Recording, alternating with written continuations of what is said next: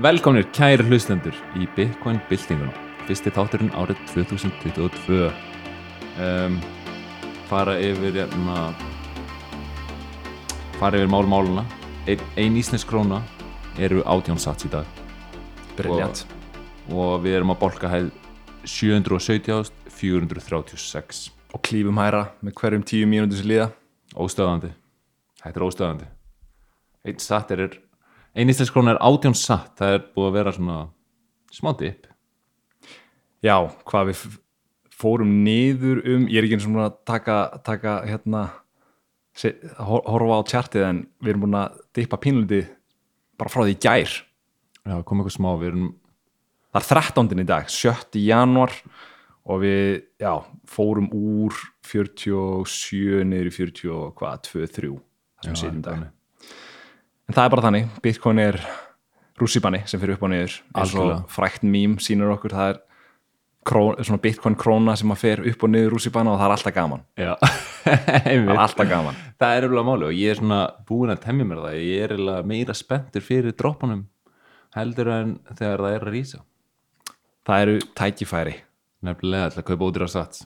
En verð samt að við að ég held persónulega að verðið væri herra um þetta leiti um, í byrjun síðast árs. Og það gerði það eiginlega allir. Já, við vorum náttúrulega með þátt fyrir á árunni 2021 þar sem við fjöllum um Stock to Flow, Plan B. Mhm. og ég held að lang flestir í Bitcoin heimum horfðu til þess módels. Kannski ekkit endilega sem einhvern heilagan sannleik en sem einhvers konar svona um, Viðmið. viðmið sem væri gott að viða, hérna, viða verðið við á akkurát, árinu 2021 og svo náttúrulega bara gerir Bitcoin það sem að það gerir. Það- er einhvern það kemur manni á all- óvart. Já, einmitt, það kemur alltaf öllum einhvern veginn á óvart. Um, og ég meina þetta er bara blessun. Þetta er, þú veist, að verðið sé svona látt það er að gefa okkur tækifæri til þess að stapla meira.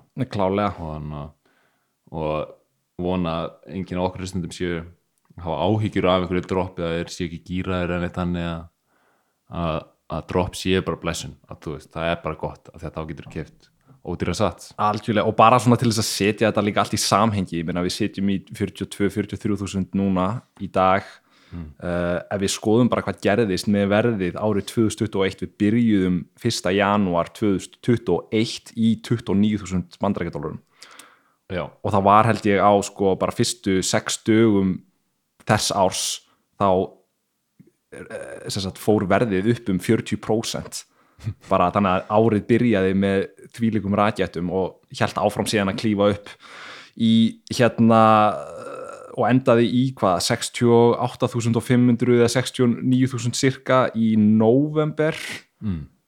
núna bara fyrir nokkrum vikum síðan. Já náðu, náðu hæðunum þar. Og he- er svo núna búið að taka dífu og þetta er svona einmitt rússipanni upp, upp og niður en hérna á árinu 2021 þá sagt uh, fór verðið úr 29.000 í hérna hvað var það, í kringum 50.000 þannig að það óks um 78% á árun já, year to date. Þetta, já, það er alveg magna en samt slæmt ár. Slæmt ár? Nei, en, þú veist, auðvitað ekki en þetta er árið, þetta er árið eftir halving þannig maður er að búið sér miklu af af, veist, þessu specific ári. En ég hef svona tilfinninguna að við getum séð, þú veist við séum ekki búnir að sjá toppin í þessu ípokki, í þessu Nei. fjagra ára halving sækli og því hafi bara verið frestað aðeins. Einmitt. Geta aftur átt fyrir mér. Bitcoinurar eru mjög bjartsinir og bara svo maður haldi þeirri bjartsinni uppi þá bara segi ég, tek al- algjörlega undir með þér og segi bara svo- 2022 áttir að vera mjög gjöfult held ég sko. Mér finnst, að, mér finnst eiginlega ótrúlegt að, að all time high í þessu ípokki sé bara þrísvar sem hærri en hann var í síðasta um, fyrir sagt árið 2017 og við höfum bara náð þref, þri, þrís, þreföldum hæðum yfir það. Tala ólíklegt en tíminn minn leiða það í ljós. Við, við verðum náttúrulega líka að horfa til þess að Bitcoin er bara 13 ára gamalt fyrirbæri sem að þegar maður er að spá og spekulera í verðum og, og í svona hvernig hvernig verð þróun geti átt sér stað í framtíðinni þá erum við bara með 13 ára aftur í tíma til þess að skoða. Þannig að Bitcoin, bara eins og við vorum að segja á hann, það, það hefur algjörlega um, efni á því að koma manni á óvart og það hefur svo sannlega gert það í svona þessa síðastlinu mánuði. Algjörlega. En þættin í dag þá eru við svona meira bara fyrsti þátturinn á árinu og við stefnum í að halda ótrúitt áfram árið 2022 og bara gaman að fara aðeins yfir svona nýliðið ár. Þetta er búið að vera eiginlega alveg magnað ár. Mm -hmm. um, mikið af fréttum og mikið af bara stórum hlutum að gerast. Og margt svona sem er hægt að hægt að kafa eins onni og hann að ætlum að gera það. Og síðan síðan næstu þáttum þá munum við fá til okkur góða gesti og fara vel yfir málun Hvað fannst þér svona standa upp úr Já, sko, það er augljóslega El Salvador að Já. kynna Bitcoin sem lögari Mhm. og að taka stæstu fréttinar frá 2020 uh, MicroStrategy að fara Bitcoin standard þá er að mínum að þetta stærsta fréttin 2021 El Salvador uh, ríki að fara á Bitcoin standard Mhm. og er að gera það bara full force. Um, en uppáhaldsfréttina mínar voru Jack Dorsey að yfirgefa Twitter já, og að byrja sitt Bitcoin fyrirtæki. Það er svona Bitcoin miðað fyrirtæki einmitt Square sem breytist í blokk. Já, sem sagt hann fer frá Twitter þar sem hann er búin að vera CEO í, í svolun tíma. Mm -hmm. Og er, er náttúrulega einn af stofnendum Twitter og alveg magnaði gæi mm, og hann fer og og stofnar hérna blokk sem er, er saman sam af um, af nokkrum fyrirtækjum og þetta er sem sagt þetta, er, þetta eru saman þá er þetta Square Mhm. og þetta sem voru með na, þeir voru með Cash App og Einmitt. líka Square Crypto sem blessunarlega var breytt um nafnið á því hræðilega nafni Square Crypto yfir í Spiral. Og er það svona vitnun í Bitcoin? Twitter handli hafi breytist líka yfir í Spiral BTC ok, þannig að ég var svona mjög ánæður að sjá þetta. Og, og síðan er hann með í þessu líka Tidal sem er svona tónlistastreifmis veita ok, áhugavert. Já, þú vissi það ekki? Nei, ég vissi það ekki, þarf maður að fara að byrja að skipta yfir í Tidal? Ég gerði það nýlega og ég gerði það nýlega áður en þetta var kynnt. Um, af því að það komi fréttir frá Tidal að, að þeir myndu sem sagt gefa, eða þeir myndu láta tónlistamenn fá beint um, sem sagt fá beint revenue af því sem þú hlustar á. Ok. Þannig að þú, þú, þú getur mér að séð í Tidal hvað þú hefur strengt mikið til tónlistarmann sem þú hlustar á ok, wow, í dólarum cool.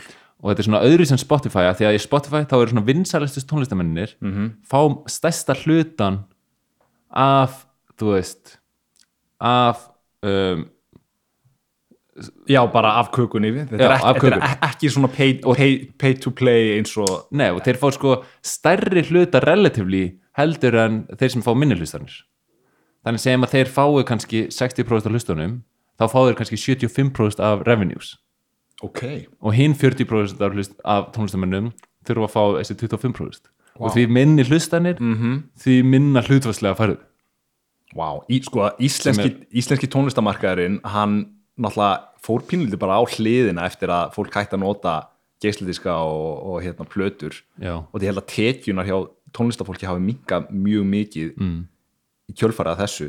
Já, og, og þú veist, auðvitað er einhver að fá borgaða á Spotify en, en það er ekki mikið þannig að fólk ætti kannski bara að byrja að hugsa sem gang og skipta yfir í sko, mér Tidal finnst og, við- mér viðmóti á Tidal geggja Já. og þeir eru með, þú veist, aðeins að vera eitthvað og, og mikið í Tidal þá, þú veist, þeir eru líka með master tracks af lögum sem eru bara svona premium, premium já, gæði. svona high quality og, encoding eitthvað já, og þetta er bara svona ég er að fíla stefnin og er líka mjög spenntur fyrir að sjá hvernig framþróun verður þar núna í kjölfæri þeir eru komnir undir þetta spennandi batteri sem blokk er. Já, er ekki aldrei bara svona það kemur pín, það, það er ekki alveg búið að, að, að kynna nákvæmlega hvað sko þeir segja henni í tvíti að, að hérna, já, þeir eru með tætal og síðan er eitt annað fyrirtæki sem heitir TBD Mhm. 545-66975 skrítið nafn. Ok, félagi en hérna, það heitir þetta samast. Og þeir, þeir ætla að búa til ómiðstýrð decentralized uh, kaupallir og annað slíkt fyrir sem sagt uh, fyrir bara markaðin já fyrir já, fyrir Bitcoin markaðin býst ég við. En, en er, er, er, er með stefnu að byggja upp svona dreifstýrðar lausnir? Án þess að vera með eitthvað shitcoin token attached áhugavert. Þannig að það er mjög spennandi. -hmm. og, hana, og þeir segja sem að um, we're here to build simple tools to increase access to the economy. Briljant, hljómar vel. Spennandi, Já, mjög spennandi, ég ég er reyna ég er mjög spenntur fyrir þessu. Og, og ánæður að þú veist þeir sé að taka svona Bitcoin með approach þú veist, Square, Square Crypto snýrist aldrei um krypto. Það var bara svona lélegt nafn en gaman að þeir breytti því og, og ég er bara mikill svona þú veist, þrátt fyrir alla þrátt fyrir alla hérna allt þetta censorship sem búið verið í gangi á Twitter og Jack Dorsey búin að vera að fá bara, þú veist mjög svona mikla uh, ádilur um það. En það virðist vera eins og að hann hafi mögulega haft við eitthvað verið að halda aftur að aft, aftur að því sko, að nú- eftir að hann hætti þá, þá fóru, þetta að aukast og nú er að berast fregni frá Twitter um að það sé að fara að stopna eitthvað svona ekstra uh, censorship já. um, batteri sem að eiga eftir að taka sem er náttúrulega orðið mjög skýri maður er að mission- sjá já, þetta censorship bara aukast gríðarlega. Já, eins og segir þá bara svona kannski var hann einmitt ekki, ekki að valda því heldur var kannski að halda aftur að en, en ég hef samt alveg séð kvóð frá hann þar sem hann var að tala fyrir að það væri, sumt væri krúsjál en maður skilur bara ekki hvernig þú veist þú getur skoða hardcore klám inn á Twitter en þú getur ekki fengið upplýsingar um þú veist afturinn til lausnir á, á alls konar. Einmitt.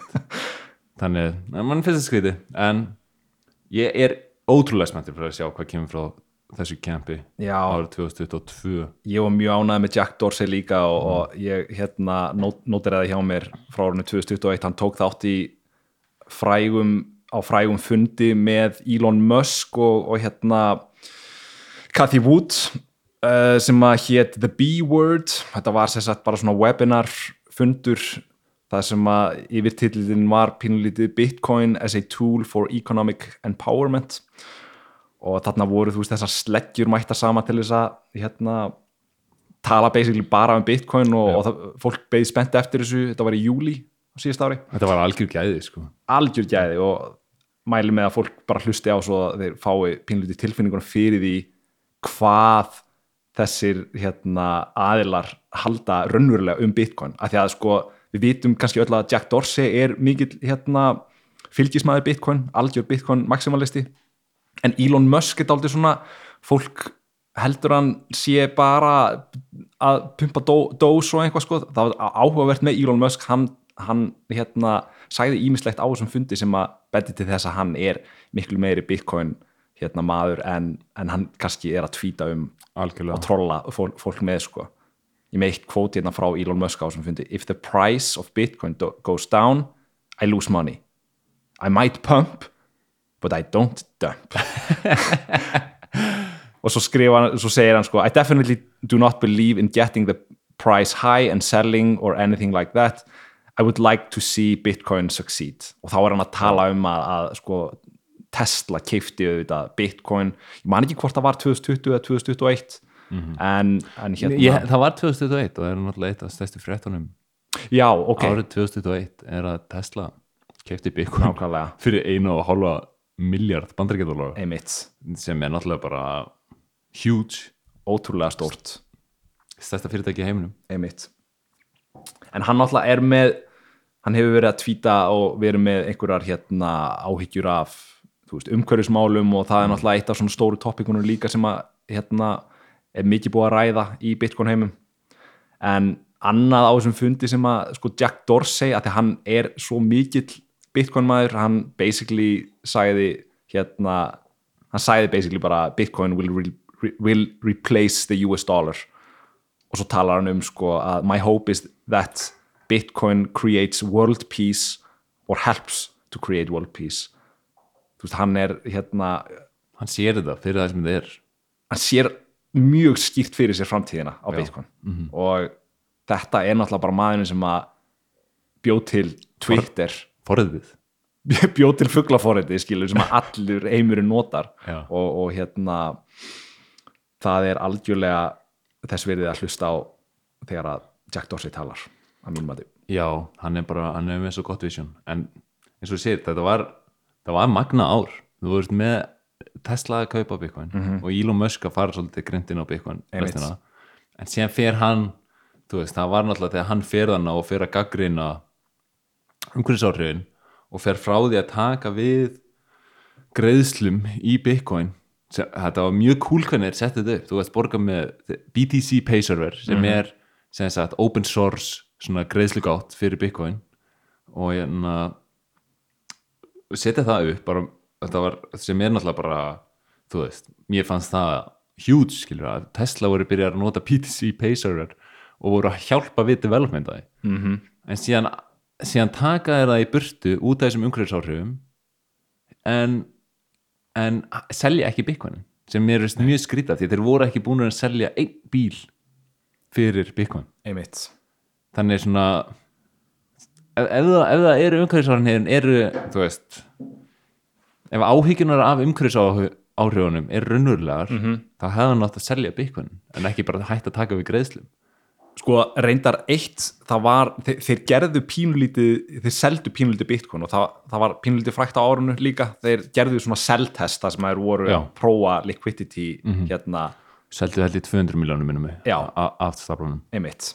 Sem að hefur þá örgulega verið bara partur af upprunnulega planu, þú veist, þeir eru kaupa einhverju upphæð þá eru þeir búin að Já. ákveða fyrirfram við ætlum að, eftir ákveðin tíma þá munum við selja, bara til þess að testa hvort það sé hægt, nógu mikið hérna, fjármagn á markaðinum einmitt að við séum ekki að fara að hreyfa við Já. markaðinum og það gekk vel já, það gekk mjög vel þannig að, en síðan var þetta bara einhvern veginn perfect storm með Kína að koma og banna mæning í 50. skiptið eða banna Bitcoin í 50. skiptið Einmitt. en this time it was pretty real já, að þú veist það var alveg það var magnaði tími þegar við sáum hassreitið dömpa niður. Ég man ekki hvað var mikið, 40% eða eitthvað 40% sko. það er bara svona stærsta tre- stresstest sem að Bitcoin hefur fengið síðan 2017 Já. í Fork Wars. Einmitt. Og hann að þetta var mögulega eitt af því besta sem komið fyrir Bitcoin. Þannig að þessi, þessi, þetta var ángrís bara jákvætt. Já, en alltaf allt er jákvæmt fyrir Bitcoin. Allt er jákvætt fyrir Bitcoin. En líka þetta bara út af stresstestunum við viljum stresstesta Bitcoin. Af því við höfum verið að segja þetta skilur það skiptir ekki máli þó að Kína bannar mining. Mm -hmm. af því að þú veist, viku setna þá kemur að difficulty adjustment og things are back to normal. Einmitt. En að sjá það gerast að sjá 40% af af, af hana, orkun, eða kraftinum sem er að fara í að mæna Bitcoin já, fara bara í burtu. Já, og sjá hann síðan redeploya hann og sjá þetta hasrið klæma tilbaka og ná all time highs aftur. Mm þetta var bara beautiful að horfa á þetta og síni bara hversu óstöðvandi þetta kerfi er. Einmitt. Það var eitt að gerast bara núna í gæri eða fyrradag Kazakstan hérna Kazakstan er með mikið af Bitcoin mining í, í sínu landi og hérna það var stjórnvöld köttuð á internetið. Já, það er uppre, uppreistar uppreisn í Kazakstan út af verðbólga held ég og út af háum háu orkuverði. Já, sem er skrítið að því að Kazakstan er eitt af lindar ríkasta land í heiminum. Einmitt. Og ég na, en með internetköttunni þá náttúrulega fer Bitcoin mining sem er þar og það er mikið magna Bitcoin mining líka í Kazakstan held að um 15% af hasreitinu hafi sagt, farið bara á mjög skömmum tíma. Og þetta er mögulega ein af ástafunum fyrir því að, að verðið hérna, er að droppa núna Já. í byrjun nýs ás það voru náttúrulega margar tölfur frá Kína sem fóru til Kazakstan já, og þá er bara sjá hvað gerist núna. Já, eh, eitt sem ég er um, áhugavert með þetta er að hversu mikilvægt það er að búa þau undir það vesta fyrir mænira í Kazakstan hversu mikilvægt það var að vera búin að setja upp Blockstream satellite kerfi. Þannig að þeir gætu mænað án þess að tengjast internetinu. Einmitt, af því að Blockstream er gerfinnattatengt internet og þú veist og, og það, það virkar fulli í Kazakstan í dag. En, en náttúrulega þeir sem að höfðu ekki plana fyrir því þú veist, lendi illa í því já, og þetta er oft bara svona í Bitcoin þú veist, það er alltaf best að undirbúa sig undir það vesta þú veist, við, varðandi Bitcoinin þú veist, þetta er þetta er, þú veist tímiðin sem þú ert að geima skilur Mhm. og þú átt bara að vera paranojar yfir því hvernig þú geimir hann. Mm og algjörlega. kannski áhugast að fara smá inn á það að þú veist, nýlega var bara hérna 3. janúar. Já, það er merkilegt merkilegur dagur já, í Bitcoin heimum. Dagur sem að Trace Mayer sem er svona gamalt bitcoiner og þeir sem eru nýjir hafa líklegast ekki heyrt um hann en hann er, var legend back in the day og hann fór að chilla einhvað svona s- shitcoin sem heitir Wimble Nimble Wimble Nimble Wimble já, og hérna var svona hrektur í burtu eftir það, eftir það. En hann var alltaf að reyna að gera þennan dag að uh, Proof of Keys Day sem ég finnst alveg cool að, að, að, að á þessum degi 3. janúar sem er nú liðin að þá svona að nýta hann í að allir í samfélaginu komi sér saman og taki bitcoinin út af kaupöllum mm -hmm. komir í sína eigin uh, vörslu mm -hmm. og og mér, mér finnst það, þú veist, já það er cool að halda það hátilegt að, þú veist, eins og hann segja að, að þú veist, við myndum flexa our monetary so sovereignty skilur já, flexa þessu peningulega frels okkar og að við erum bara með global bank run einu svona ári þar sem við tökum alla, öll byggjum út af Mhm. Og áður fyrir þetta var svona alveg þetta var vinsælla ég sá nú ekki að þetta var svo vinsælt í ár að þá svona voru alveg kaupallir sem fóru á hausin í kjölfarið. Út af þeir voru bara insolvent Já. og átti ekki bitcoin til, til að greiða hérna kunnunum sínum. Einmitt. Og þetta er bara svona minnir mann á að svona það er best að vera bara svolítið paranojar og vera með bitcoinin sín og, og þú veist, hugsa vel um þetta og koma sér í þína eigin vörslu og gera þína eigin nóðu og einmitt, vera með hardware wallet og nokkur backup af sítorðunum og, og svo framvís alveg klart mál. Og einmitt það er alveg hérna að þú ert að tala um að trendi sé að fara niður með sko hvernig, hvort að fólk sé að taka peningin sinn út það er náttúrulega maður sér Nei, bara ég sá trendið fyrir því að halda upp á 3. Já, halda upp á, janúar já. sem proof of keys day já, ég sá það ekki mikið trenda allavega á Twitter nei, uh, ég man að var, var mikið áður Já. það var mikið talað um það ég held að þetta sé bara til marks um það að sko að hópur uh, eigenda bitcoin er að breytast pínulítið, þú veist þetta er náttúrulega bara á fyrstu árunum þá voru þetta rosalega mikið svona uh, hugssjónafólk Mm. sem er mjög and um hérna frelsi og annað slíkt sko um, og það svona það minkar með hverju árun sem líður eftir þess að veist, þarna, quotes venjulegt, venjulegir fjárfestar fara að koma, fara að koma inn í hérna kerfið Já. en það er algjörlega þess virði að, að, að fjalla um proof Já. of keys day sko Já, ég held það sko um, þetta er magnaði dagur. Þetta er, þetta er dagurinn sem að Genesis blokk kemur út. Já, og ég heyrði hérna styrla starrend um, um það að hérna, það virðist að Satoshi sé svona vitna svolítið í The Book of Genesis. Af því að Genesis blokk kemur út fyrsta, neð 3. janúar. Mm og síðan sex dögum síðar þá, þá er kerfið hefst kerfið. Já, og það er byrjað að mæna blocks. Þannig að vitnar svolítið í þú veist, eins og, eins og Guð þú veist, vann í sjö daga og, og bjóð til jörðin á, á, á sjönda Nei, sjö, sex daga og já, bjóð til að já, já, vann í sex daga og bjóð til hann á sjönda þá er það svolítið svona virðist vera að hann hafi verið að hugsa út í það. Kemur ekki óvart, hann var mér þykir allar, allar þessar pælingar vera mjög skemmtilegar Já. og áhugaverðar. Hann er, eitt áhugavert að því við vorum að tala um hérna um, hverjir eru að fjárfesta í Bitcoin í dag? Það kom út mjög áhugaverð skýsla um, svona se seint á árunu frá Grayscale. Þeir sérst að gerðu markasrannsókn á bandarískum fjárfestum. Ég held að við hefum pínlítið talað um þetta en ég skoðaði þessa skýslu og þar sérst að kemur fram að 26% bandarískra fjárfestra, fjárfesta sem að eiga yfir 10.000 dollara í einhver, einhvers konar svona hlutabriðum eða, eða fjárfestingum skilurum mm. sem eru 1,3 miljónir íslenska króna.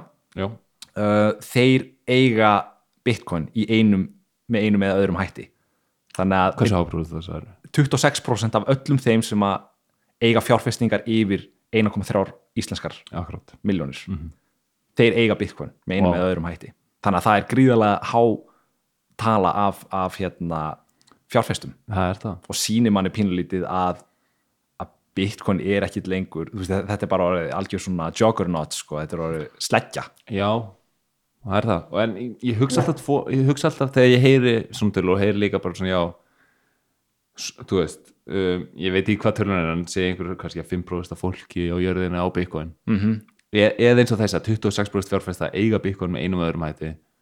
Um, er samt, þú veist, mann finnst það vá það er svo margir sem eiga þetta veist, við erum komnir langt inn í adoption hverfi Mhm. en þú veist það þýðir samt að einhver gæti átt bara Bitcoin fyrir 500 dólar og við erum bara að geima, geima það og þú veist, er bara að býða einmitt, þetta segir mann ekkit um hve- hversu há, há prósenta af portfóljónu hérna, er Einmitt. í bitcoin sko. og segir okkur, þú veist uh, statistik sem er miklu mikilværi eða þú veist, er þetta að fá en þú veist, er að hversu margir eru komnir á Bitcoin standard? Veist, hversu margir eru að taka afgangslaunin sín, skilur það sem þau þurfa ekki í rekstur mánuðarins og eru að setja það í Bitcoin og eru aktilega að halda á Bitcoin og eru með stærsta magna af eignum sínum í Bitcoin. Já, þessi tala er mjög lág. Einmitt. Þannig að þú veist, að halda á sért of eða eitthvað þannig er svona er ekki satt skilur af því að, af því að það eru svo, þú veist, fáir sem eru komnir á Bitcoin standard. Einmitt. Og talandum að vera ekki of seitt uh, þessi, þessi 26% af bandarsku fjárfestum sem að eiga bitcoin með einum með öðrum hætti 55% af þeim uh, byrjuð að fjárfesta í bitcoin árið 2021 wow, þannig að það er meira en helmingurinn af þeim sem að segjast vera eitthvað í bitcoin er byrjuð í fyrra. Já, einmitt. Þannig að þetta er bara, við erum, við erum ennþá mjög við erum mjög örli en við erum byrjar að klífa upp þessa exponential kurvu af adoption. Já, og það er náttúrulega bara mjög spennandi. Einmitt. Við höfum mikið verið að fjalla um það hvað sko Bi- Bitcoin, þú veist það í raun og veru það skiptir ekki neinu máli hvað neitt gerir, hvort sem séu einstaklingar fyrirtæki, eh, stjórnvöld eða hvað annað. Bitcoin gerir bara það sem það gerir en það er samt áhugavert að fylgjast með sko hvernig um, þessir hópar eru að nálgast Bitcoin þá sérstaklega með, þegar maður talar um stjórnvöld, bandarisk stjórnvöld og þau hafa á árunni 2021 verið mjög mikið að gefa í skín um að setja á reglugerðir á bitcoin og, og aðrar svona raf mynda eignir. já, Það var til dæmis sett upp hérna ETF uh, í bandaríjunum uh, svona futures ETF þar sem að þú kaupir framvirka samninga á, á, á bitcoin. Einmitt. Og það var aldrei svona stórt stórt skref. Og ég held að áhugin á þeim sagt eignum hafi verið mjög, mjög mikill. Ég held að hafi brotið einhver met með viðskipti á fyrsta degi og, og eitthvað slíkt sem er kannski ekkert neitt mjög, mjög skrítið að því að Bitcoin er náttúrulega mjög áhugavert en það er líka bara að það er svo gríðarlega mikið magn af fjármagni á markaðinum vegna peningaprentunar að það er örgulega auðvelt að brjóta Brjóta met. já, brjóta met í dag sko. og það meika sens svo er náttúrulega Gary Gensler já, já, hann, SEC hann er fenginn inn, inn sem, sem hérna head of SEC einmitt, sem er hérna SEC er Securities and Exchange Commission þetta er sjálfstæði ríkistofnun sem ber meðal annars ábyrð á því að vernda fjárfesta og, og sjá til þess að verbreyja markaðir eða, já, bara markaðir séu að fara eftir settum reglum. Já, og við erum náttúrulega að tala svolítið um Gary Gensler í þessum tæti og erum, þú veist, hann er búin að vera mjög vókal um það að tala um að Bitcoin sé commodity -hmm. og sé ekki sem sagt security. Einmitt. Og að önnur kryptos eru securities. Já, og en, þú veist, alltaf langstæsti parturinn af þeim hann talaði um að hann væri með sem sagt, ég man ekki hvort það var 5, 6 eða 7 þúsund þetta er, já, 6-7 þúsund. uh, rafmyndir í siktinu þegar hann, kæm, þegar hann hérna, Já. talaði um sem sagt, securities í þessum heimi og þetta er svona, þú veist, bjóð til mikið svona stir og það hefur ekkert komið ennþá frá þessu þannig að nei, þetta er eitthvað sem að svona, maður getur verið að líta til 2002 er að sjá hvort að þeir taki eitthvað á þessum þú veist, að mínum að þetta er bara svindlum já, bara fjárhags svindlum sem er í gangi.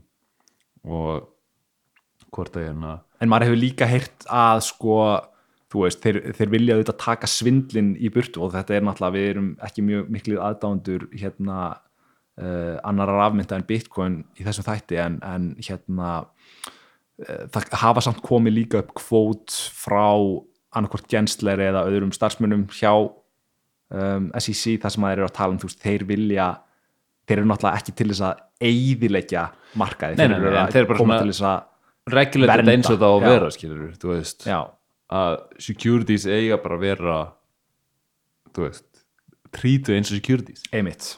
Og, og þú veist og ef þú gefur út til dæmis token Mhm. og prímænar þá notar prímæni að fjármagna verkefni já, þá er það bara eins og að gefa út hlutabrið fyrirtæki. Einmitt. Og það þarf bara að gangast undir ákveðin lög og, og að og það er bara sangjant Já. fyrir alla, sérstaklega fjárfesta. Og það var náttúrulega episkur þátturinn sem að Michael Saylor var í hjá Raúl Pál um, þar sem hann skólar hann svolítið í svona securities uh, löggjöf. Og það var mjög gaman að fylgjast með því og sjá Rá, Raúl Pál sem er náttúrulega bara svona infinity skammer. Um, vera, vera svolítið orðlaus ég væri til að sjá svona maður hefur hérna, séð eitthvað svona myndbönd af svona body language interpretation á YouTube sko, það sem að, að vera að grilla einhver, eitthvað fólk sko. hann. Paul, hann alveg svona byrjar að klóra sér aftur í hýstnum og er alveg svona frekar vandræðalegur þegar að Shit, vá. Sailor er að, er að hérna, að vera frá. Já, það er örugglega eitthvað, eitthvað búið að gerast með þetta en hérna, já um, margt að gerast bara hérna það var mér, meira gerast í pólitíkinni í bandaríunum já, þú veist með hellinga hérna já, já, ég var með það var hérna þú veist Me Um, Meir Suárez í, í Miami. Hver var, byrju, meir svar já, me, já meir, hérna, borgarstjórin já, borgarstjórinn Einmitt. í, hérna, í Miami. Já, þeir eru nú bara þeir eru hérna bara að fara að byggja aðra, þú veist það, Miami er bara að fara að breytast í Bitcoin borg ef hann heldur áfram að vera borgarstjóri. Já, hann hérna ætlar að taka launin sín í Bitcoin já, og að veita fólki laun í Bitcoin Mhm. sem er við nefnborginni eða sem sagt gefa fólki kost á því að, já, gefa fólki kostaði já, og, og svona, en hann hefur líka verið með eitthvað svona shitcoin tokens bendlaður við. Mhm. Um, þannig hann er ekki með svona sömu þú veist ekki svona sama svona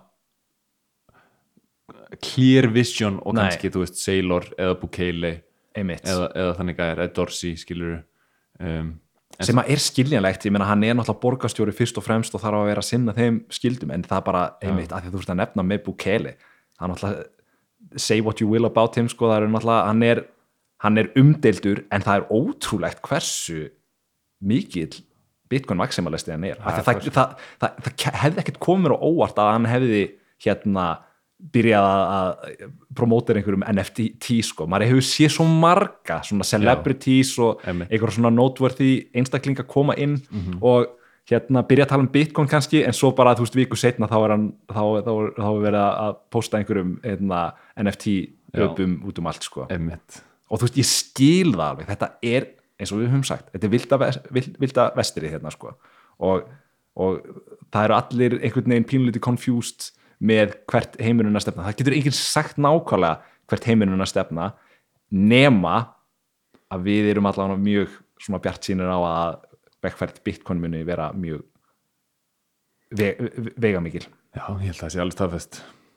En mm, sá svona alltingismæður sem kom mér mest á óvart var Cynthia Loomis. Já, hún er búin að vera bara algjör sleggja með, með, með visionið skilur, með, með svona clear vision hún er hérna ríkistjóri í Wyoming ekki satt? Jú, já, sem að er Wyoming einmitt og bara eftir, með hennar með hennar hérna sín þá er hún að, að hérna stefna á að gera Wyoming að mjög svona um, hvað maður segja svona opna, opna tækifæri fyrir Bitcoin og, og Bitcoin fyrirtæki. Ég held hún sé með alls konar svona kvata fyrir Bitcoin fyrirtæki að, að vera skráð til dæmis í Wyoming, bara svona pínlítið eins og Delaware gerði uh, með því að vera með lága skatta fyrir fyrirtæki. Þess vegna eru eiginlega allir með fyrirtæki í bandaríkjum skráð í Delaware fylki Já, hún er að reyna svona gera eitthvað svona svipað nema fyr, sérstaklega fyrir uh, Bitcoin fyrirtæki. Það verður mjög gáðan að, hlusta á hann tala og hún, hún svona sér þetta skýrt og er með gaggrin gaggrina hugsun á þetta kallaði peningakerfi sem við lifum við. Já, og hún, hún er einmitt bara ein af mörgum sem að hérna eru svona uh, ábyrjandi í bandaræskum stjórnmálum sko, sem að eru að tala opinskátt um, um Bitcoin. Það er bara ótrúlega skemmtir þetta að sjá. Og síðan var nýlega hvað sem bæðastjóri New York sem hefur talað um Bitcoins. Bitcoin, hann segir samt uh, Bitcoins, ég held að hann hafi sagt það. Bitcoins, já, í alveg fleirtölu. Það er svona cute. Já, það er svona, þú veist, það var bara svona já, hann er, þú veist, kannski bara notið þetta til ég að nota helst stórt B bandstrygg og stórt C. Ef einhver segir Bitcoins. Þá kannski veit hann ekki alveg hvað hann er að tala um en bara svona veit að þetta er vinsælt mér finnst það samt allir læg sko. mér finnst, mér, ég, mér finnst það bara að vera svona við sjáum hvað, Já, já. Við sjáum hvað kemur frá hann ég held að hann sé að þetta í svipuar shitcoin pælingar og, hérna, og meir Suárez. Já ok, ég man ekki nákvæmlega hvernig það var sett upp. Um, það, það var allavega eitthvað shitcoin token involved en fólk sér þetta greinilega sem tækifæri og bara í stjórn, stjórnmálum en þeir taka tækifæri neðu gefast og, og reyna að lifta þá aðla náttúrulega sjálfum sér upp sko. Þetta er bara gott fyrir veist, það er bara þú veist, þótt að fólk sé bara að nýta tækifæri í, þú veist, já. þá er það bara gott fyrir Bitcoin. Ég, ég man ekki hvort ég nefndi þetta í öðrum þætti en einmitt þegar að þetta var að gerast þetta var einmitt bara svona hvort er fjögur í 2021 sem að þessar var að koma frá New York og, og annars líkt og ég sendi eitt tweet þar sem að ég takkaði Dag B. Eggertsson sko og bara eitthvað, er, er þetta ekki eitthvað sem að Reykjavík þarf að að byrja að sko, skoða? Og hann svaraði mér sko. Nú, já, hann, ég man ekki nákvæmlega hvað hann sagði en hann, hann, hann var alveg svona típisku pólitíkus, hann einhvern veginn svona sagði ekki beint já eða nei en var einhvern veginn svona samt að gera smá grína þessu sem að, þú veist, allt er góðu skilur Já, já. ég er ekki að búast við því að dagur sé að fara hérna borga starfsfólki laun í bitcoin alveg strax sko. En já, mér, það var eitt hérna mér fannst áhugavert með uh, Coinbase var með IPO sem sagt initial hérna, product offering. Ég held við kallum það Coinbase. Coinbase. Ég er námið fyrir Coinbase. Sko Coinbase, já já ég, sko, Coinbase náttúrulega mér, þeir eru við, þetta er stórt fyrirtæki þannig Já. að það skiptir pínullu máli sko, í, í, þessum, í þessum bransa um, ég er ekki viðskiptavinur þeirra beint, ég held samt að myndkaup séu að eh, fá bitcoin sín frá þeim þannig að þeir eru, er það ekki rétt hjá mér eða? Jú, ég held að og ég held að geimi líka Bitcoin hjá, hjá Coinbase Já, en hérna ég, ég er bara svona agnostik þegar kem, kemur að öllu þessu, þú veist, þeir eru náttúrulega bara að bjóða fólki upp á eitthvað og, og fólk gerir það sem að vil peningana sína, mm. Ég vil helst bara kaupa bitcoin, en þeir að, að það hafi hérna verið sett á markaðin Coinbase, sko, fólk var pínlega að býða eftir þessu. Og þetta vakti mikla lukku hjá fjárfæstum og það var mikið keift og, og þetta er bara svona pínlítið að sína okkur það að traditional uh, fjármálaheimurinn er að svona rétta við sér hvað varðar uh, að vera með svona jákvæð sín á bitcoin. Já, og svo er þetta líka bara upp á regulation að gera að, að þetta uh, við erum komin langt frá, langt frá því að, að þú veist þetta, þetta föt með að stjórnvöld séu bara að fara að banna bitcoin. Þetta er eiginlega bara svona þetta, sko. þetta er bara búið sko. Algjörlega en, en á samtíma þá er ég bara svona Coinbase voru bad actors árið 2017 í, í block size stríðinu þeir voru partur af svona Segwit 2X hérna, sem ætlaði að reyna að hækka borgahæðina um upp í 2 megabæt þeir voru eitt af fyrirtækjunum sem að vildu hækka. Já, sem hittust á leynifundi bak við luktadir Já. og voru að reyna að taka ákvarðanir fyrir Bitcoin-kerfið sem að backfæraði svaklega. Já, en síðan hafa þær líka bara verið með Shiba Inu auglýsingar á TikTok. Já, skilur, og maður er bara svona shit, þetta er bara hræðilegt hvernig þeir haga sér skilur já, og þetta er náttúrulega stærsta fyrirtæki og stórt IPO einmitt. En sem er alveg þú veist, það er alveg gaman að sjá það en, en sa- á saman tíma þá er maður bara wow, ég vona Jack Mallers og liðið á Strike bara fara og sópa þessum gæðum upp sko. já, ég held, ég held að það muni þetta muni það mun óhjákamlega að gerast. Já, ég sé ekki þetta business model hjá Coinbase ganga upp skilur, að, að vera bara endast að selja einhver shitcoins.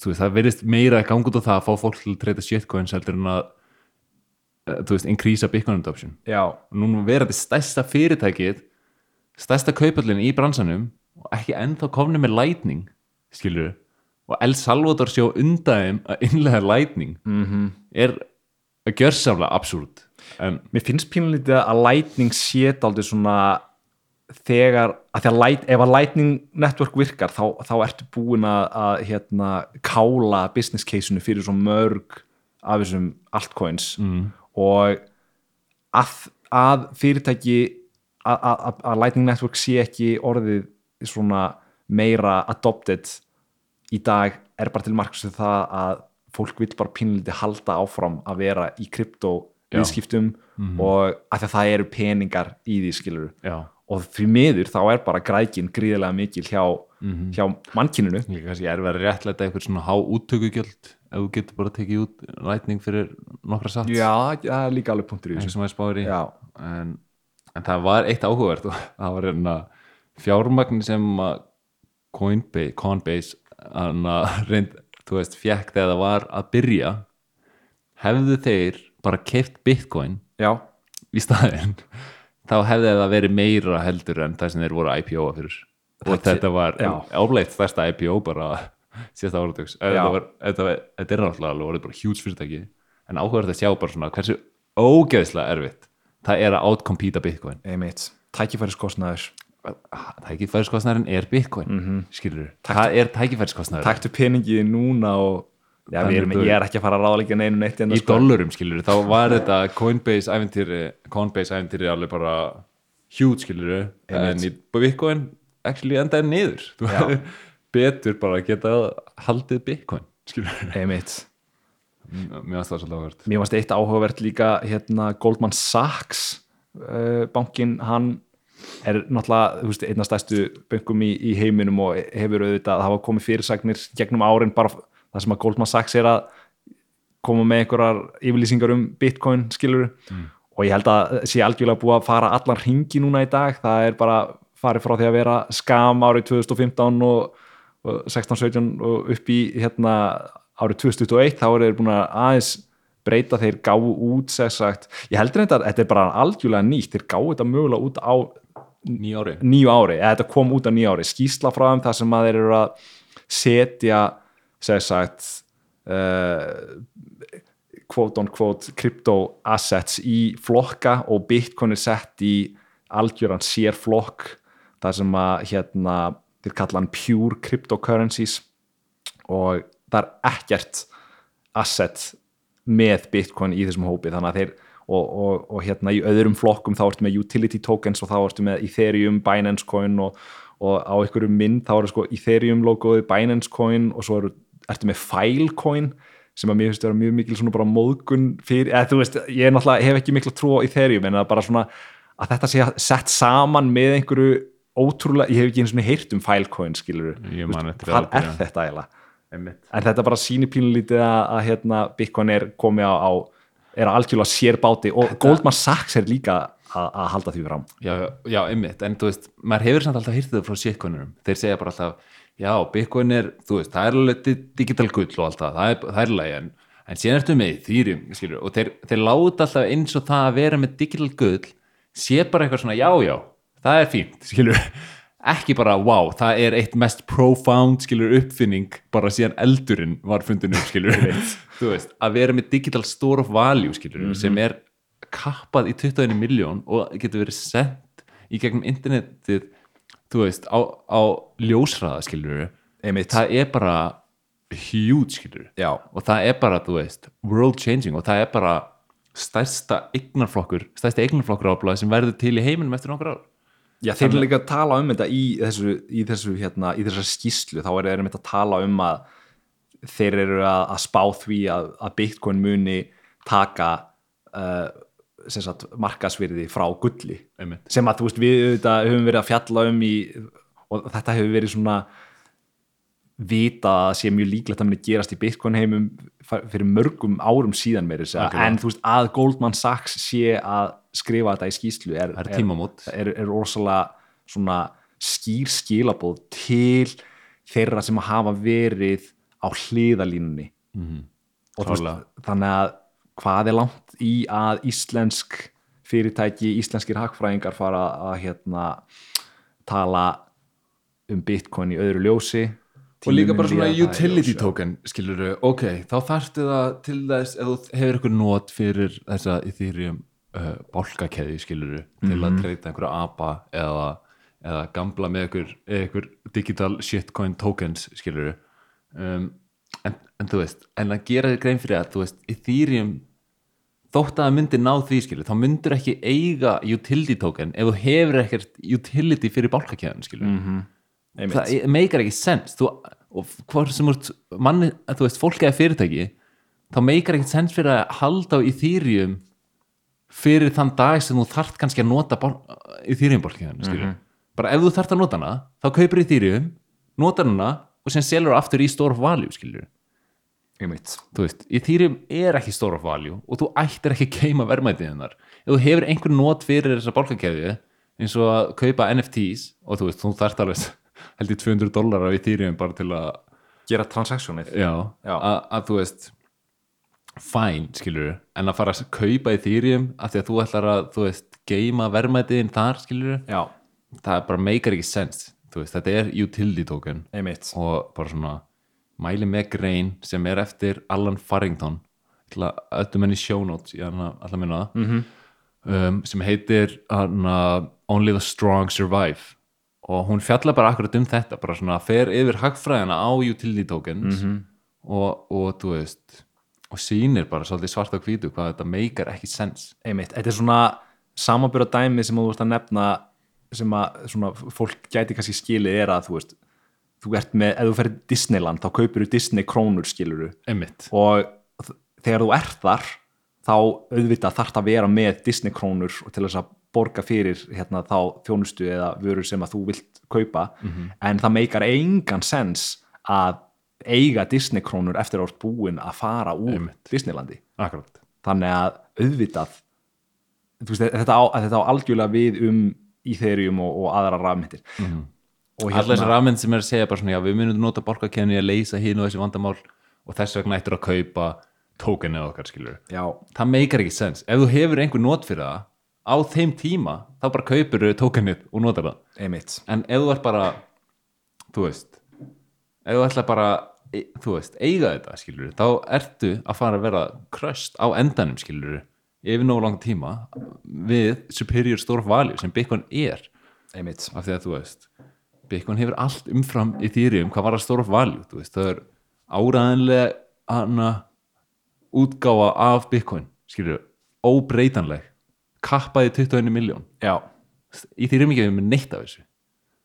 Bara algjörlega ófyrirsjánlega útgáfa af íð Mhm. eða með, eins og við kjósum líka að kalla það. Já, einmitt M, já, lítið M og E- ETH já, já. ég sé þetta.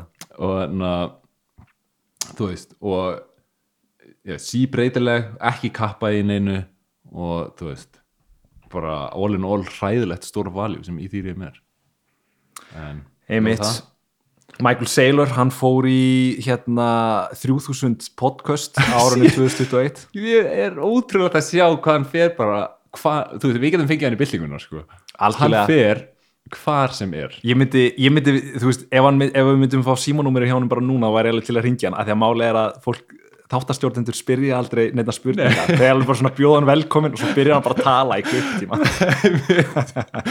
það er svo fyndir sko og það er bara svona oft unrelated við spurningur hann er bara, ég er komin ykkar til að tala um þetta og en við erum basically að horfa á hann og hlusta á hann bara einhvern veginn átta sig á Bitcoin í beinni útsendingu stundum sko. hann Já. kemur með hvert dæmi og fætur öðru og, og, og hérna það er magnar hlust á hann hann er með svo góðan skilning á bara á svo miklu skilning, Já. hann er náttúrulega útskriðar á MIT í hann aero, aero engineering og er basically þá, þú veist uh, rocket scientist skilur og hann uh, hann er líka með gríðlega góðan skilning bara á hag, hagfræði og, og bara svona og, og svona hagfræði sögunu peningasögu og bara þú veist það er búið að vera bara algjört gull að fá þennan mann inn í, inn í gerfið og vera með bara, þú veist. Já, hann er búin að vikka sjóndeildarhingin mjög mikið og, og, og svona hans túlkun á Bitcoin er að sína fólki svona nýja, eh, gefa fólki nýja sín á, á Bitcoin kerfið og maður er gríðarlega þakklátur hún fyrir það. Af því að þetta er fyrirbæri sem er ennþá að og það er ekkert grín, un unwheeling itself skilur það er ekkert grín hvað hann leggur mikla vinnu líka í þetta skilur, eins og ég segi, þú veist. Kemur ekki óvart að hann væri búin að mæti í 3000 podcast ára 2021 Nei, Þegar maður hefur síðan allstaðar Já, hverju viku þá kemur eitthvað nýtt skilur, einmitt. Nokkra klukkutíma þáttur veist, það sem hann er bara á randinu. Og og hann hérna og hann held alveg ótrúitt áfram ára 2021 Já, ég var einmitt að bara segja hann keifti held ég í hverju mánuði og örgulega oftar. Hann keifti í hverju mánuði og svo líka ef það var að dippa. Já, síðan gamlan skuldabref já, og og nokkur skuldabref held ég. Og hérna já, hann er að nálgast 1% af öllu bitcoini. En hann er ekki, hann er, ég held að hann sé með hvað, 120.000 bitcoin í dag Já. hann þarf að vera með 210.000 til þess að komast í 1% sko. Ég sé hann ekki náði Nei, nei, ég sé það heldur ekki gerast. Ég held að verðið muni fara það hátt upp árið 2022 knock on wood en hérna uh, já, ég væri enn betri að myndi bara halda slátt fyrir mig, ég, þú veist, væri alveg til að stapla bara meira sko. Ég skiptir ekki öllu máli long term kannski sko. Nei, maður er oft, maður þarf stundum að hérna, einmitt, maður þarf eiginlega að binda svona slaufu á puttana sem svona hugsaði til langstíma já. Relax, og bara svona, þú veist að byggunni er óhjákvæmilegt. Þannig að ef verðið er lágt það er tækifæri fyrir þig. Einmitt. Þú getur keift meira byggun á Já. ódýrara verði. Þegar byggun er komin upp í 500 stólara þá mútu óska þess að það væri í 50 þú veist. Algjörlega, þannig að algjörlega. bara svona gera sér grein fyrir hvað þessi mikil blessun lágverð í byggun eru vegna þess að það er að mínum að þetta er algjörlega óhjákvæmilegt. Einmitt. Og Michael Saylor bara því við vorum að tala um hann hann er aldrei svona, það vissi engin hver þetta var. Hann var basically bara þú veist, forstjórn einhvers fyrirtæki sem að er ekki er eitthvað svona B2B fyrirtæki basically sem að þú veist, af hverju ætti maður að þekkja MicroStrategy en núna er hann orðin að einn af stærstu bara svona MicroStrategy thought leaders í, í heiminum sko. Já. MicroStrategy turned into MacroStrategy. Já, absolutely crushed it. Einmitt. Eitt áhugavert líka, það var annar hérna risi sem að uh, talaði um eða hann sagði reyndar aldrei Bitcoin, það var Tim Cook hann sagði í november 2021 I own cryptocurrencies. Já, og hann er með smá byggun, smá með já, það er gott kvöld. Það verðist ekki vera alveg orðinspilaður nei, en, en hérna Apple er verður hérna stór biti að að, hérna, að fá inn í, inn í uh, Bitcoin heiminn. Það, það er óhjákvæmilegt. Spárið í gerast 2022 ég er ekki viss, nei. Nei, en hlýtur einhver annað fyrirtæki á S&P 500 Já. ég spáði 2022, annað fyrirtæki á S&P 500 já, og annað nation state já. Það var eitthvað Afríkuríki sem að fólk var að, að tala um. Kenya held ég. Já, það Kenny hefur verið nefnt, það var annað sem ég voru að hugsa um að vera, hérna, ég man ekki nákvæmlega hvað það var við þurfum ekki að fara endilega í það. Úkraina hefur verið hérna- Úkraina, já, þeir eiga og Búlgari á bö- bönns af Bitcoin, Já, sko. það er nú ekkert sem þeir hafa keift það er sem Nei. þeir hafa rænt af einhverjum. Já, þeir sísuðu það af hérna, reyndar, ég held að hafi verið einhverjir einhverjir glæpamenn sem að þeir, glæpamenn já, þú veist. ég, ég, veit, ég veit ekki nákvæmlega hvað það var sem að, hérna, já, ég, hvaðan ég þeir veit fengu ekki það, sko. hljómar eins og þeir hafi bara rænt þessu ég veit ekki nei, nei, ég segir svona en bara með hérna alþjóðavæðingu Bitcoin Max Kaiser, hann sagði í samhengi með El Salvador sko. hann er náttúrulega fluttur notabene Mm. Til. El Salvador við eigum ennþá eftir að koma þess inn á El Salvador ég meina, þú veist, El Salvador gerði Bitcoin að lögiri þú einmitt. og bara, og ekki bara það heldur kynna líka þú veist, kynna líka að þeir eru að fara að gefa út skuldabrif einmitt. Sem að Max Kaiser, það er komið í ljósa hann, hann hérna sendi skilabóð á Bukele og Já, bara um svona gera Twitter DM bara eitthvað, hei, ég held að þetta er að kíkja á þetta. Og svo gerðu það þau kom í kjölfarið að IMF sögðu El Salvador bara, heyrðu, við erum ekki að fara að gefa ykkur hérna lán upp á 1,3 biljón dollara ef að þið ætlið að fara að vera með ykkur svona bitcoinleiki og, og þá segir Max Geiser bara, hei, þið ættu bara þú veist, segja fuck you with IMF og gefa út ykkar einn skuldabrif einmitt sem að gera með hérna hvað, hvað heitir fyrirtæki? Er það Blo- Blockstream? Blockstream, já. já. Blockstream, já. Þetta gerist einmitt í, í lok ásins 2021 og var ótrúlega gaman að fylgjast með. og það er kynnað bæði þetta skuldabrif um, sem er kalla? Bitcoin Bonds, Bitcoin Bond 1 já, og, og kynna líka Bitcoin Siri og núna er okkar maður The High Priest fluttur til The Holy Land. Einmitt. hann er mættur bara til El Salvador. Og, og hérna Stacey Herbert, þau eru Já. indisleg, þetta er my people. Algjörlega. þau eru mætt og þú veist ég er spenntur, mér langar að fara. Ég væri mjög mikið til að fara í heimsóknanga og, og ég, hérna, það hlýtur að gerast einhvern tímann í ég er svona enda að reyna að samfæra konur um að við flytjum bara en það, geng, það gengur gengur hægt en þetta, er að koma. Það er allan að hlýta hana. Vá, það er hlýtt hana, þetta er eitt besta surf í heiminum. Þú getur borgað fyrir Bitcoin hvar sem er ódýra fastegnir, getur fengið bara beachfront villu fyrir þú veist, það sem er jæmt og einhver íbúð í hérna, þú veist, Kópavogi skilur Já, og þetta er bara, þú veist þetta er, og þetta er líka bara svona mann finnst þetta vera svona land bara frelsis svolítið skilur allavega leiðin að verða og þú veist, ég er líka búin að vera svona að fylgjast með, hann er Bukele fyrstir þjóðarleitói sem ég hef séð mæla með heilbröðum lífstíl til að, þú veist, tækla á þessum faraldri sem gengur yfir. Og, og það finnst mér bara svona að loða góðu skilur, hann er, þú veist allt sem ég sé frá hann er þú veist að loða góðu. En þetta heyri maður í fréttunum bara já, þetta er diktator og ég veit ekki hvað og hvað en þú veist, það er ekkert nýtt að fréttir séu með född ef þeim er ekki borga fyrir að fjalla einmitt, vel um eitthvað málumni einmitt. þannig að þú veist, ég sé fjölmjöla þú veist, maður hefur séð með Bitcoin skilur Já, gjör samlega drulla yfir Bitcoin bara, þú veist, alltaf posta fréttið að droppar mm eða, eða alltaf neikvæðar fréttir og þetta er bara nákvæmlega samanskilur veist, við vitum að Bitcoin er ekki jafn slæmt og fjölmir að gefa út fyrir að vera við sjáum líka frekar skýrt að Bukele er ekki eins slæmur og hann, er gefin út fyrir að vera einmitt. og það var mjög fyndið þegar hann kom hérna, fyrir svolítið og var að grilla í hann var semst að grilla í kanslarinn í Þískalandi Já. Og- Merkel er núna hætt og hann, ég man ekki hvað hann heitir. já, og þú veist, hún var hætt og það var, var eitthvað svona það var eitthvað military honors þú veist, fyrir Merkel og það var eitthvað svona aðtöfn Já, og það eru hellinga gæjum sem eru svona klættir í svörstum svona búningum með eitthvað svona hatt og halda á svona torchi sem er svona eldur í. Já, standa allir í svona röðum. Vá. þetta er bara super Mjög svona... dystopian Já, og Bukele kemur bara the uniforms, the flaming torches the colors, the helmets 16 years in power. But El Salvador is the dictatorship.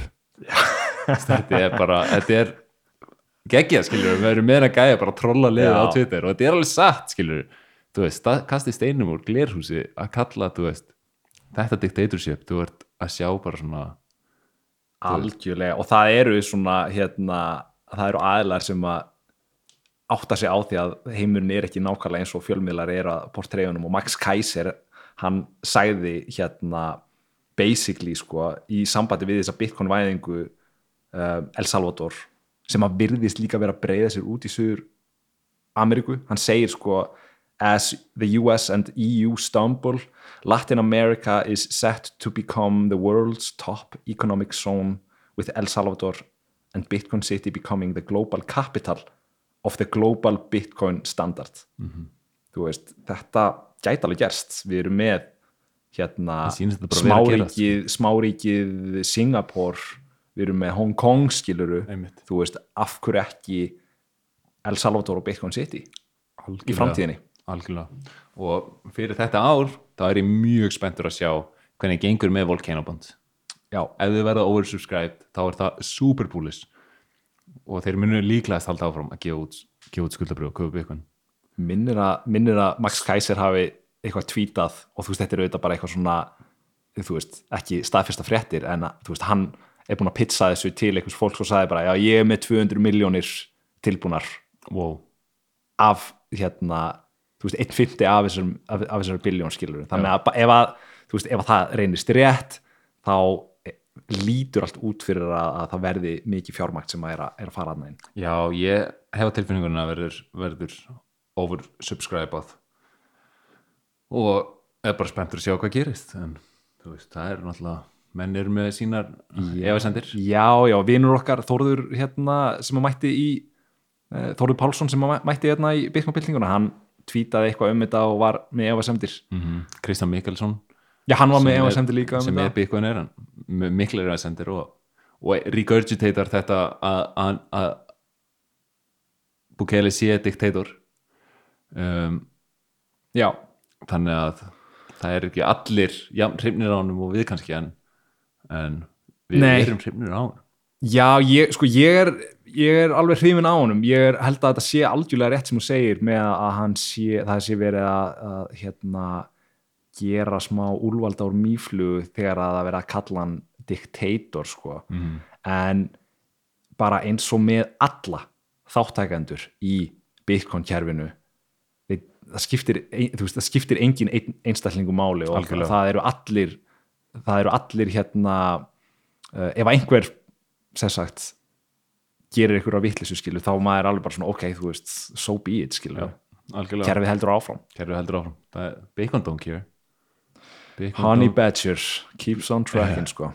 Doesn't give a fuck. Já, við hérna erum búin að fara yfir ímislegt, það var neitt aðteklisum sem gerðist núna bara í byrjun þessa árs. Já, það kom hérna uh, viðtal viðtal hjá Coindesk Coin, Coindesk taka sér viðtal við Kasparov, Gary Kasparov skákmannin fræga sem að ég ætla nú bara að segja frá því. Ég fekk hérna eindra ártun hjá honum þegar hann kom til Íslands Vá. hann kom inn á kefti á einhverju skákmóti eða eit- eitthvað. Áttu hann ennþá? Uh, nei, ég týndi henni og ég tvítaði pínulegt um þetta í gær ég var aðeins að svona reyna að fá einhverja samúð hjá fólki. Ég sem sagt, það var basically ég man þegar ég týndi einundarátunum hans það er nákvæmlega sama tilfinning og þegar ég týndi sítfreysinu mínu með ég týndi náttúrulega öllu bitcoinunum mínu hérna fyrir nokkrum árum síðan þegar að ég lendi hræðilegu sjós, sjóslýsi Tragic boating accident. Mjög erfitt að lenda í slíku. En Já. það eru mjög margir sem að viðast lenda í sjóslýsum Já, það verður þetta títt Fólk er að taka með sér leiklana í, í, í bótana people will never learn. No, it doesn't seem like it. En hann sem sagt Kasparov hann hérna skrifa, eða sagði að, að hún þætti vera líklegt að á næstu tíu árum þá myndi dollarin verða skipt út fyrir a basket of coins sem sagt cryptocurrencies en talaði samt um að, að bitcoin væri sagt the future. Which I believe, I believe bitcoin is online gold. Einmitt. þannig að mér varst það bara að vera skemmtilegt að, að sjá, veist, eru Þetta er maður sem tekir leikjafræði. Já, og hann sér fleiri en eitt múvin í framtíðina. Algjörlega. Þetta er svona ótrúlega skarpir einstaklingar eru að, að átta sig á Já. virði Bitcoin. Jordan Peterson er náttúrulega dæmi um annan mann sem að Hann er orðin, það er náttúrulega 2021, Mhm. þá er Jordan Peterson orðinspilaður og af svona hann er svona kannski einn af veist, þessum stóru hugsuðum sem eru búin að vera mikið í fjölmjölum um, og hann er orðin algjörlega orðinspilar og, hann, að- og er bara farin að posta Bitcoin fixes this þegar, þegar að hérna, þeir, ég held að það verið eitthvað ríkistjórnir í Kanada ætlu að, þú veist, fara fjármagna eitthvað. Já, og, og þá sagði hann Bitcoin fixes this. Hann er líka búin að vera bara svona um, hann er búin að vera að fara mjög elegantly niður hóluna þú veist, hann er búin að vera að taka viðtal við að minnum að rétta fólki skilur, sem skilur Bitcoin frá fyrstu hana, lögmálum. Mhm. og hérna og tekur hann viðtal við Gigi og Breedlove og John Kvalis og hana fleiri einmitt. En síðan núna nýlega tekur hann viðtal við Seyfedin Amus sem er áblá bara eitt uppáhalds podcasti mitt bara allra tíma. Þetta var svakalegur þáttur og Seyfedin bara leggur keisi niður svo fallega. Um, það var eitt moment í því viðtalið þar sem að hann átta sig á hérna, það var eitthvað með mæning held ég, að því við vorum að tala um áðan já, þegar hann Hérna- áttar sig á því að þú veist, þú getur peningavætt alla orku. Já og hann átt, átta sig á því að öll svona afgangsorkan sem að er verið að sóa Já, er get- auðveldlega hægt að nýta til þess að búa til og virði hann í bara Bitcoin. svona svipurinn á honum er bara mím orðið. Og Já. þess að hann er bara já, svona þú veist, sest, aftur í stólinn og svona, þú veist. Annað dæmi um body language interpretation myndband sem að ég væri til þetta að var sjá svo authentic og maður var bara wow, veist, hann, er, hann var virkilega að fatta þetta annað já, og náttúrulega eiginlega svona fyrsti af einhverjum svona stórum hugsuðum sem er að fara niður the rabbit hole. Einmitt. Og á saman tíma sé maður gæði eins og Sam Harris sem er líka svona frægur hugsuður hann er algjörlega að stömbla og er bara að taka svona podcast við einhverja shitcoinera og er að fá Veitu, hver, hver, hver? Sam Harris. Sam Harris, já, já, sem er þekktur svona einmitt. þekktur uh, trúleysingi. Já, og er svona, þið hefur skrifað marga bækur er, er, er na, neuroscientist nákvæmlega og maður hefur eitthvað, hann er svona ég, ég fylgist ekki mikið með það sem hann er að gera sko, en Nei, hann er heldur en- allavega up there sem svona já, Áhrifavaldur. one of the greats er, sko. og na, en það er mjög áhugavert að sjá einmitt hvernig these great, supposed great minds uh, tækla eitthvað eins og Bitcoin Mhm. og hvernig þeir hugsa það og mér veist alveg áhugavert að sjá hvernig kontrastin er á milli þessara tveggja hugsa af því að þeir hafa verið að batla um trú og fleira Mhm. þannig að það er búið að vera uh, áhugavert og definitely að ég gef Peterson hérna sigurinn hann er gríðilega umdeldur og ég ég hef lesið bækunar hans og hlustað á hann í viðtölum og ég, mér finnst hann vera mjög bara áhugaverður einstaklingur og mér finnst gaman að, gaman að hlusta á hann sko. já um, já ég, hana, ég var ekkert svo mikil aðdáðandi en, en síðan bara svona horfa á hann farin upp ykkur hóluna það er búið að vera mjög gaman. Mm um, eitt sem að kom inn á var hérna aftur inn á Jack Dorsey. Já, því ég er búin að vera svo hrifin á honum undarfarið sko.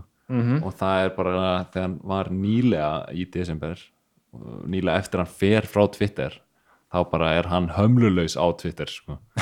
og er bara og er búin að vera að hérna, hakka Web3 narrativið í sig en þú veist Web3 er bara er bara svona enn eitt narrativ sem að kryddolið verist spinna upp til að selja einhver tilgangslaus token er þetta bara krypto, er þetta ekki bara svona marketing term í tækningeirunum almennt eða er verið að tala um Sé aðalega Web3 bara- sem þetta sé aðalega bara svona crypto related Já. þú veist að nota einhverja svona blockchain tech til að gera nýja internetið þar sem Já. að þú átt þínar upplýsingar, þetta er allt svona falleg mynd skilur og maður er sammálað þú veist, gólin en er þetta ekki bara sama varan í nýjum, nýjum umbúðum Jú, þetta er bara og saman séð, bara þetta blockchain technology eða ICOs eða NFTs eða þú veist, þetta er bara enn eitt í raununni af einhverju narrativi sem er notað af svona VCs til að reyna að selja uh, VCs verðandi sem venture capital firm Mhm. sem að reyna að selja er eitthvað eitthvað na, shitcoin token og og hann alveg bara hann sagði, hann sagði henni tvíti you don't own web3 the VCs and LPs do you'll never escape their incentives it's ultimately a centralized entity with a different label know what you're getting into Mhm. -hmm. og bara af því að maður hefur séð þetta narrativ árið svo stert og og hann að það er mikilvægt að fólk allavega átti sig á því að það eru skipta skoðunur um þetta og ég held að við tveir séum mjög svona gaggrinir á þetta allt saman en það eru aðrir, þú veist, eins og mér finnst augljóst að internetið nýja útgáðan internetinu Mhm. verður byggð ofan á harðasta pening sem mannkynni hefur komist í tær við skilur það Já. er bara make a sense fyrir mér af hverju ættum við að byggja ofan á einhverju einhverju tókani skilur sem að var prímænað af einhverju venture capital firm einmitt, það er veist. gott að fólk spyrji þessar spurningar, Hann- svo hann- gerir bara fólk það sem það vil, skilur en við, einmitt.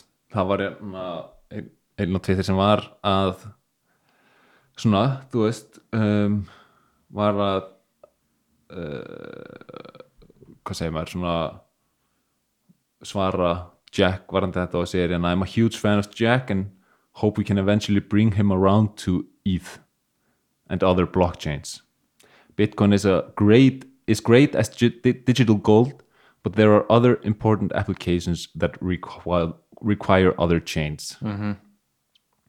og við komum aðeins inn á þetta þættin með Kristjáni bara svona af hverju, af hverju byggir ekki bara ofan á Bitcoin og hann sagði að að þú veist að Bitcoin gæti ekki gert sumar af þessum svona executions og já, sem Já. að bankanir sem ég svona skil ekki alveg ennþá fl- flóknara forrita minni með hann hafi sagt líka eitthvað, eitthvað við það já en já, það, þá svarar Jack, I believe in you and your ability to understand systems. It's critical we focus our energy on truly secure and resilient technologies owned by the mass of people, not individuals or institutions.